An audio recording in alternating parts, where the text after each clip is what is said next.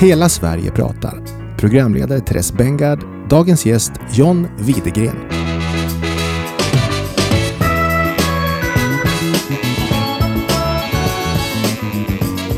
Ja, hej John från Moderaterna och välkommen till Hela Sverige pratar-podden. Hallå, hallå. Ja, men hej. Det här är ju några specialavsnitt som vi gör i samband med att det är valår eh, och också med anledningen av alla riksdagspartier ju deltog på vår landsbygdsriksdag i maj i år och också pratade landsbygdspolitik där. Eh, det här är en slags förlängning av det, eller ett komplement kan man ju se det som, då det är svårt att förklara komplexa politiska idéer och sammanhang på kort tid. Och här har vi ju lite längre tid på oss helt enkelt. Men jag tänkte då att vi skulle börja med en kort presentation, det vill säga vem är du och hur kommer det sig att du började med politik? Ja, absolut. Eh, ja, men jag är John Widegren ifrån västra Östergötland i Ödeshögs kommun. 42 år gammal, gift med tre hundar och en son. Och det var inte någon form av inbördes ordning eller liknande där utan det var bara på det sättet jag rabblade upp dem. Mm. Eh, driver lantbruk här tillsammans med min fru eh, på två släktgårdar och sen ytterligare en gård som vi har köpt in till, eh, till vårt företag med nötköttsproduktion och växtodling och skog och hus som vi hyr ut och lite hästverksamhet och lite jakt och fiske och sådär. Ganska brett jordbruksföretag. Um, är ju sedan januari 2019 Moderaternas landsbygdspolitiska talesperson. Har varit riksdagsledamot sedan valet 18. Eh, kom in då och har suttit lite i kommunen innan med diverse kommunala uppdrag. Eh, I kommunstyrelsen framförallt och i Ödeshögs kommun. Jag hade nog aldrig någon tanke på att jag skulle börja med politik. Eh, men jag kommer ifrån en väldigt politiskt intresserad familj. Och det har alltid pratats mycket politik. Eh, och det har varit väldigt moderat eh, ingång på det. Så jag, jag säkert hade jag blivit bortadopterad om jag inte hade blivit moderat, brukar jag säga. Mm. Men jag... Nej, men jag fick en förfrågan om att engagera mig kommunalt efter jag var färdigpluggad på universitetet. Jag läste till lantmästare i Alnarp och ja, men man tackar ja så är jag alltid öppen för utmaningar. Och så gick det ganska bra och sen kom jag på att mina frågor hanteras ju på riksnivå. Och eh, bestämde mig för att ställa upp där och blev ersättare och så fick jag hoppa in och praoa ett år, halvår som jag brukar säga när Andreas Norlén var föräldraledig. Mm. Och sedan kom jag in vid förra valet och på, på den vägen är Och sen har jag fått möjlighet att hantera landsbygdsfrågorna för Moderaterna som är fantastiskt roligt och ett hedersamt mm. Eh, för jag tänkte att vi skulle komma in på det. Hur kom, du är ju som sagt landsbygdspolitisk talesperson. Varför tror du att just du fick den rollen i partiet?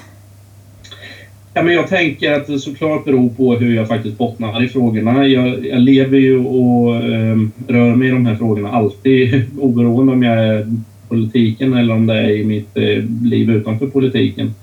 Eh, jag ser det som en styrka att, man, att jag har någonting utanför också. Ibland så räcker inte tiden till såklart när man ska hantera att vara riksdagsledamot och bonde samtidigt.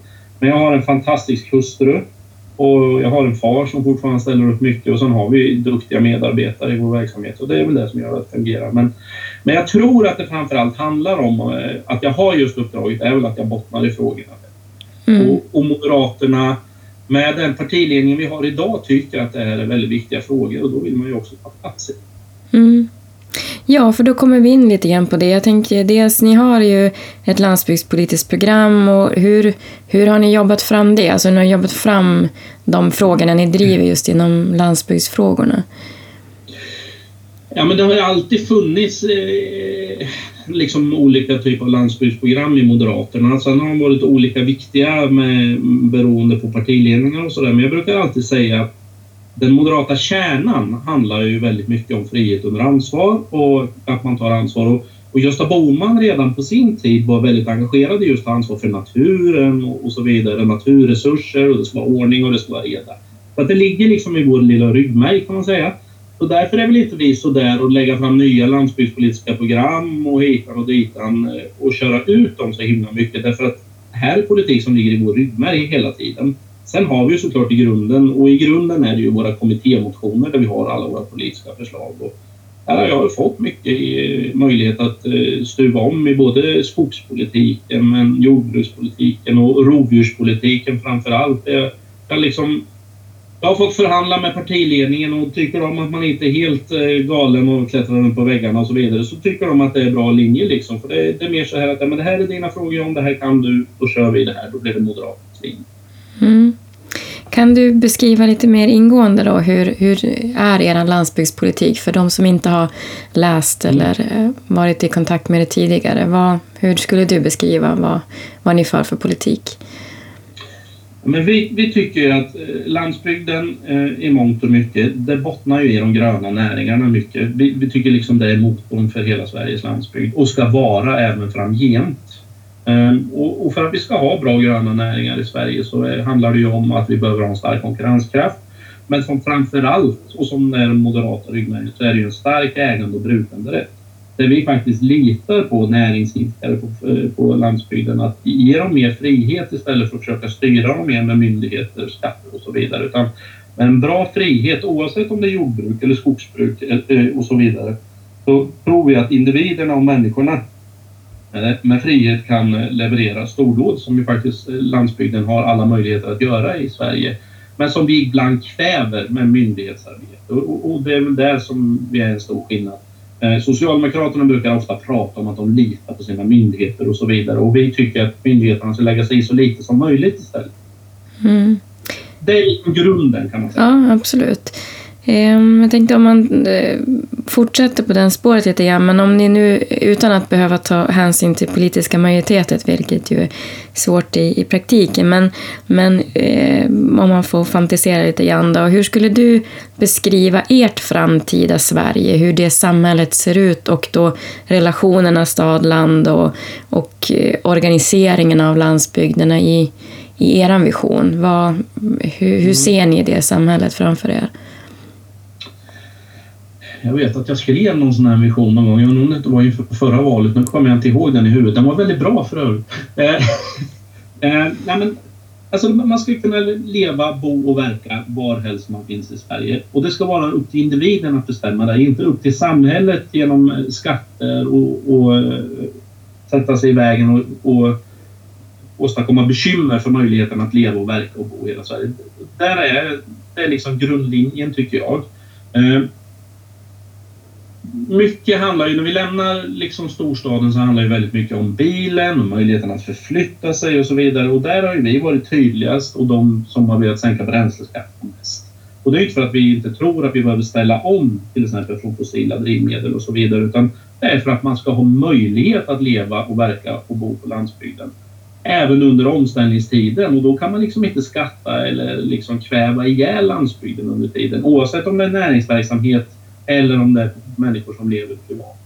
Det ska såklart finnas poliser på landsbygden. Man ska känna att det finns en polis. Jag var uppe i Norrland här på en resa förra veckan och reste runt och träffade och, och de var liksom lite ja. mer uppgivna. Jag som bor i Norrland måste säga det är 58 procent av Sveriges yta. Så jag tänker vart i Norrland var du? Ja, bara... södra Norrland. Mm. Jag eh, eh, jag började i norra Svealand, passerade Färila, gjorde några verksamhetsbesök där omkring och Ljusdal, sedan upp till Stenstavik och eh, Järpen och sen Strömsund och sen eh, Bjurholm och Umeå och eh, sen på vägen ner så var det ett stopp i Metsöbord, det är norr om Husum, norr om Örnsköldsvik där och sen neråt igen. Mycket verksamhetsbesök, träffade mycket skogsägare, höll talarkvällar och så vidare. Så väldigt intressant. Men där man känner, för att komma tillbaka just till det här mm. med polisen. Då, att, ja, men den enda gången vi ser röken av en polis, och nu, nu raljerar de ju såklart lite,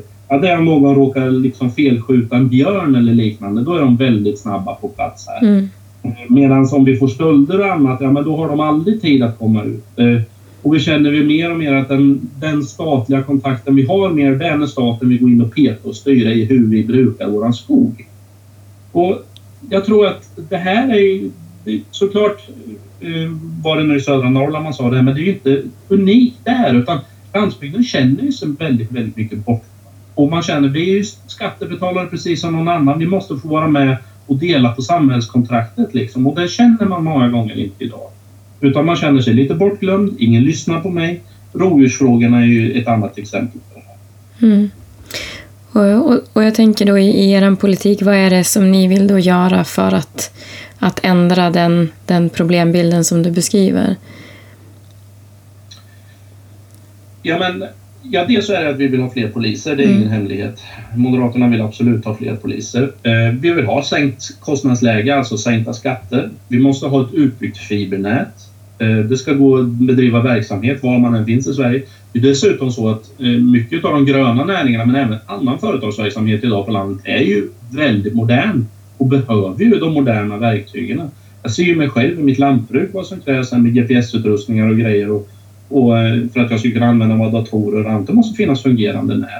Och då, då måste det vara så också. Eh, vi vill ju sänka rovdjursstammarna. Det är ingen hemlighet heller. Det har vi varit väldigt hårt driv, drivande för. Vi har tyckt att just vargfrågan har blivit en väldigt stad mot landfråga. Eh, debatten går ju väldigt hård. Och det är väl egentligen den enda frågan jag känner att man får mota hot och trakasserier i som politiker också så är det just i vargfrågan. Och hur har det blivit så? så att, eh, Långsiktig ägande och brukanderätt. Eh, vi tror på skogsägaren brukar vi säga. Vi vill alltså minimera, avreglera tillbaka till 1993 års skogspolitik som var en avreglering. Så det finns ett antal saker som man vill göra och mycket handlar ju också om att få bättre kontroll över våra myndigheter genom andra regleringsbrev än de som finns idag. Vi vill ha ett återinfört tjänstemannaansvar och så vidare. Och så vidare. Mm.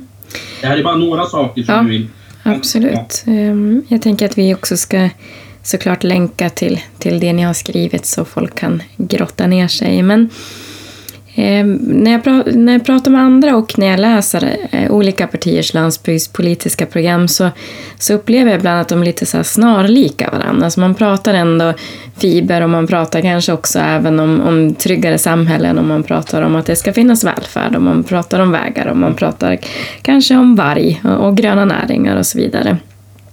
Men det, jag, det vi upplever ganska ofta inom Hela Sverige ska leva är att det är lite ändå svårt att, att genomföra politiken, att man är välkommen så det kanske inte händer så jättemycket. Jag tror också att om du har varit ute och pratat med, med landsbygdsbor så, så säger de säkert det också till dig att varför händer ingenting? Var, varför genomför ni inte det ni vill? Och särskilt med tanke på att många är ganska överens. Vad, vad tror du? Vad, vad krävs det för att skapa förändring eller vad sitter det fast i? Eh, men jag tror så här, eh, i och med att jag själv inte har varit engagerad jättelänge på rikspolitik så har jag ju sett mer det som har varit under den tiden jag har varit nu. Och där har egentligen funnits, eh, och nu ska vi komma till det politiska spelet lite för det, det är viktigt i det här. Det har egentligen funnits en ganska stark majoritet i Sveriges riksdag idag för väldigt mycket bättre landsbygdspolitik. Problemet vi har är ju att vissa partier väljer att inte prata med vissa partier och så vidare. Det har gjort en hel del låsningar tror jag i politiken tyvärr. Um, så det tror jag är en stor anledning. Sen tror jag att den sittande regeringen har ju fått ändå ett antal tillkännagivanden riktade mot sig som rör eh, väldigt mycket landsbygdsfrågor. Där har vi rovdjursfrågorna, där har vi frågor för jakt och jägare. Eh, det finns ett antal inom jordbruket, det finns ett antal tillkännagivanden inom skogsbruket och så vidare. Eh, som man ändå inte har genomfört. Så det har liksom funnits riksdagsmajoriteter men när inte regeringen väljer att genomföra de här då blir det ju inte verkstad av det och då är det ju självklart att människor upplever det som att ja, men, ni bryr er inte. Ni gör det inte ändå i alla fall. Trots att det då har funnits väldigt många förslag som har vunnit majoritet. Mm. Så det är ju ett problem. Sen ska man komma ihåg att riksdagen är ju en sak. Det vi röstar igenom där är ju lagförslag och så vidare. Men väldigt, väldigt mycket styrs ju av regeringen. Regeringen tar ju alltså 10 000 beslut om året som inte kommer upp på riksdagens bord. Så det handlar ju väldigt mycket om hur regeringen väljer att styra sina myndigheter, hur regleringsbreven ser ut och hur man eh, gör med förordningar och så vidare. Mm. Där ligger en stor del. Och det är klart att en S-MP-regering kanske inte har prioriterat landsbygden. Mm, nej, jag, jag, kan tänka mig att, att du eh, tänker så och att eh, det vi skulle önska som sagt är att ni, ni lyckas på något vis komma överens. Men vi får se. Man vet ju aldrig. Det är ju snart eh, nya kort som ska blandas efter den 11 september. Mm. Politik är alltid politik. Politik är alltid politik. Eh, jag tänker så här också att eh, Du har ju hållit på med ändå landsbygdsfrågor en, en del och, och ganska länge ändå med politik på lite olika sätt. Då. Men hur, hur anser du att intresset och retoriken kring landsbygdsfrågorna har förändrats? Har du upplevt att det är större eller mindre intresse? Eller hur, jag tänker du som ändå har jobbat också med de här frågorna privat eh, länge, så vad, vad är din uppfattning? Har, har det blivit ett större eller mindre intresse för frågorna? Men jag, jag, jag tror, eller jag är övertygad om att det har blivit ett större intresse. Eh, och ska jag bli politisk igen så tror jag också att det handlar om för vissa att eh, när Centern har eh, haft lite nya samarbetspartners som man har haft den gångna mandatperioden så tror jag att andra partier till höger har sett att det finns öppen, eh, öppna möjligheter där att klampa in. Eh, men jag säger precis igen som att eh, anledningen till att vi moderater kanske inte har skyltat med det lika mycket är för att det ligger i vår ryggrad. Konkurrensförutsättningar, ägande och brukanderätt och så vidare och så vidare. Lita på individen. Eh, så att, men det har definitivt varit ett större intresse. Det är ju inte en slump att eh, SD går ut med ett landsbygdspolitiskt program, att HD bildar ett bondeförbund, tror jag de kallar det, vad som de har bildat nu. Mm. Men det, är inte en slump att det är så här, för många ser att det finns väljare att hämta där. Och politiken handlar ju väldigt mycket om att få väljare för att få bilda regeringsuppdrag. Eh, jag, jag tycker egentligen i grunden att det är väldigt bra att fler lyfter frågorna och tycker att det här är viktiga och intressanta frågor.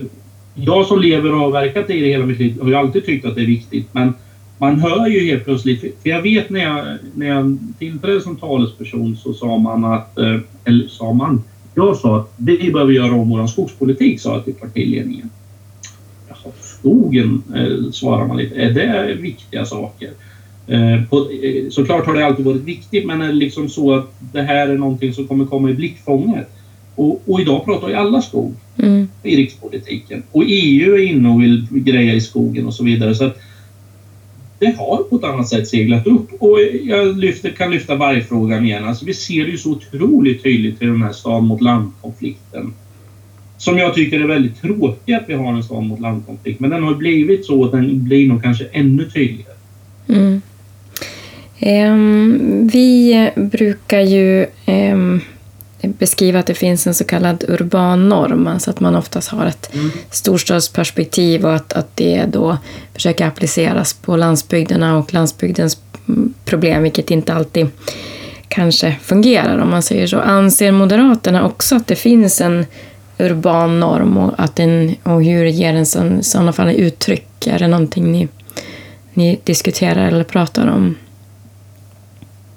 Det gör vi nog egentligen inte. Eh, det kan ju vara jag som sitter och pratar någon gång om det och sådär med någon tjänsteman och liknande och så där. Vi bollar lite fram och tillbaka. Och jag skulle säga att det har varit väldigt tydligt i svenska samhället att det har varit en urban norm under en tid.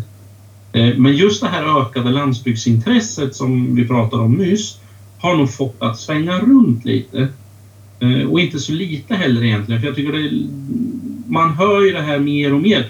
Och vi ser det, vi har ju till exempel många hus här eh, på våra gårdar som vi hyr ut.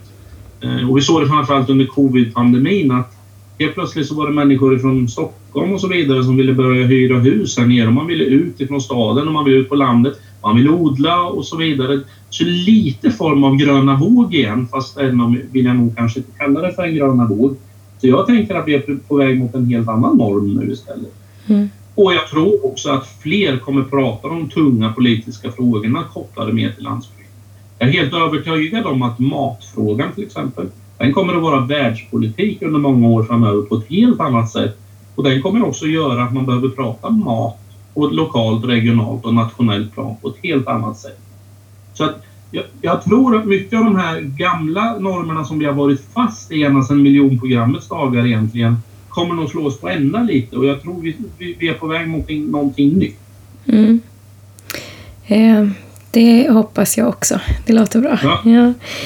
Eh, jag tänkte så här, en lite annan fråga. Men, eh, vilken tycker du är den mest överskattade eller symboliska landsbygdsfrågan? Det är lätt hänt att det är, man tar en fråga och så tycker man att ja, om, vi, om vi löser det här så har vi löst allting. Så vad, Eh, alltså någonting som kanske inte gör jättestor skillnad men oftast dras upp i den, i den här debatten. Så, har du någon, någon sån symbolisk fråga som du brukar tänka? Som är lite överskattad? Ja, mm, som är överskattad. Mm.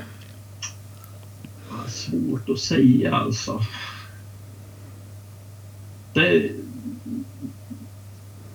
det jag tycker snarare kanske är väl att man slänger sig i landsbygdsfrågorna och landsbygdsdebatten väldigt mycket med diverse olika populistiska förslag istället för att se en helhet. Det tycker jag är ett större problem. Mm. Eh, för den saknas väldigt ofta och det beror kanske också på den här urbana normen att man inte klarar att se en helhet för landsbygden i Sverige. Att alla de här frågorna på ett eller annat sätt kopplas ihop med ett starkt näringsliv som leder till människor som faktiskt vill jobba där och då behöver vi ha boendena och då ska vi ha den statliga servicen och den statliga närvaron. Eh, jag tycker lite för få pratar om att ha den här visionen som binder ihop landsbygden. Mm. Eh, överskattade frågor är nog mer när man stänger som en och annan symbolisk fråga och försöker vinna politiska poäng för det. Det skulle jag säga. Mm. Mm. Um, det är ju som sagt valrörelse. Du är mitt inne i den. Ja, du, du har märkt det du också. Ja. Eh, vilka frågor... Eh, vi, när vi började med den här poddserien då, var det som, då hade det inte riktigt hettat till än. Nu är vi ju i slutskedet. Men vilka tycker du har varit de hetaste frågorna eh, i den här? Och, och nu är det ju som sagt några dagar kvar. Vad, vart, vart hamnar vi någonstans? Vad blev det som blev hett, heta ämnen? Eh, om vi bortser bara från de rena landsbygdsfrågorna så är ju såklart eh, energin. Den är ju väldigt, väldigt, väldigt stor fråga och viktig. Mm. Hur har vi hamnat här liksom? Det kan man Eller jag vet ju i mångt och mycket varför vi har hamnat här men eh, det är en väldigt stor och viktig fråga. Vi märker ju hur kriminaliteten lyfts ju gång på gång på gång, skjutningarna. Eh, migration och integrationsfrågorna är stora. Jag tycker att skogen pratas en hel del. Jag tycker det är en viktig fråga. Och det är ju en viktig fråga för Sverige. Det är ju en jätteviktig fråga. Eh, ja, men jag, jag, jag, jag, jag tycker nog så. Alltså energin, kriminaliteten, migration, integration. Men eh, energin också kopplat till plånboksfrågorna. Mm. För det blir ju det mer och mer nu. Och där ser vi ju då gång på gång hur man faktiskt blir extra lidande som landsbygdsbo. Eh, beroende på energipriser, bränslepriser, avstånd och så vidare. Mm. Nej, för det, det var väl den man kanske inte hade på sin eh, topp 10-lista i, i början av Nej. året. Men, men som sagt, som du säger, har blivit väldigt het och något som diskuteras i princip i alla debatter nu. Ja. Um, innan jag ställer den frågan som jag ställer till alla mina gäster så tänkte jag ändå att du skulle få chansen ändå om det är något jag vet att man inte alltid vill ge vallöften så, men är det någonting mer som du känner att, att om ni får vara med och, och eh, styra och ställa över Sverige de kommande åren, då, då vill ni verkligen genomföra det här för, om man pratar då specifikt landsbygdsfrågor, då eh, jag lovar att jag ska inte... Eh, jag vet hur svårt det kan vara att få igenom, men i alla fall, att, vad, vad skulle om ni fick möjligheten? Ni får egen majoritet, säger vi. Och så, ja, ja. ja det är inte otroligt. Mm, Eh, får det vara flera förslag? Alltså? Ja, absolut. Eh, mm. ja, men, eh, punkt nummer ett är ju skogen såklart. Den är otroligt viktig för hela Sveriges landsbygd. Och vi är väldigt tydliga med att vi litar på Sveriges skogsägare. Vi tänker ta jobbet både gentemot EU, vi tänker få tydligare regleringsuppdrag till våra myndigheter. Därför vi behöver bruka vår skog mer än vad vi gör idag. Och det är Moderaterna en garant för. Vi ska sänka vargstammen ordentligt och vi ska se över det samlade rovdjurstrycket i Sverige. Det kommer Moderaterna också vara en garant för, både kopplat till de svenska myndigheterna men även ta jobbet gentemot EU. För där har vi också ett tungt eh, arbete att göra. Och vi får inte dra oss för det utan det är dags att göra det. Vi behöver stärka konkurrenskraften för jordbruket och det gör vi genom sänkta kostnadslägen, minskat regelkrångel, eh, långsiktiga spelregler med ägande och brukanderätt. Vi behöver äntligen avskaffa det generella strandskyddet och faktiskt göra det. Och det har egentligen funnits en majoritet för det i riksdagen perioden som gick att avskaffa det, men då kan man alltså inte förhandla med vissa partier om sådana här saker.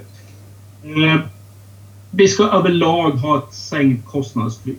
Och det är ju genom sänkta bränsleskatter och så vidare. Därför att som sagt var, vi hade en miljard i vår egen budget för gröna bränslen och vi tror att det är en bra väg att gå. Men vi kan inte skatta ihjäl våra medborgare under vägen medan vi gör omställning.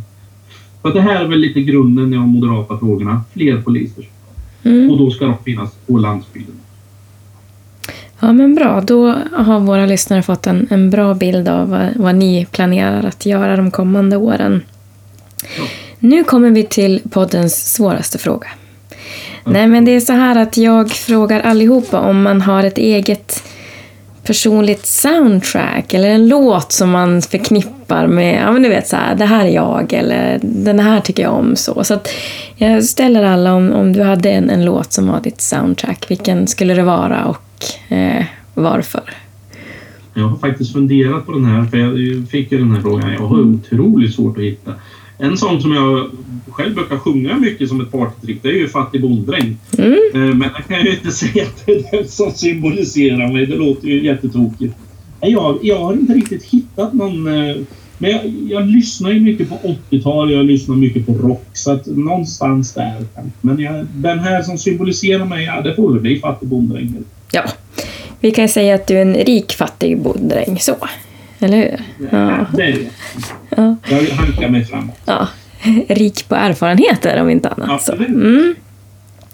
Ja men du, det låter jättebra. Eh, jag vill då tacka dig eh, och Moderaterna då för att ni deltog i Hela Sverige pratar-podden. Det här är som sagt en serie vi gör med alla riksdagspartier om landsbygdspolitiken. Och vi kommer att lägga ut på vår hemsida länkar då till ert valprogram, alltså det, de, det ni har skrivit på er hemsida.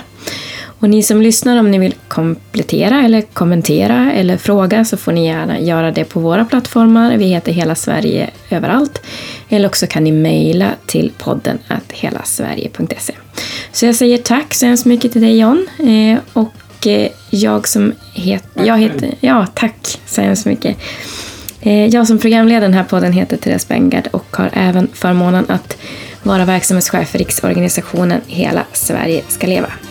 Med det så säger jag tack och på återhörande till er som lyssnar.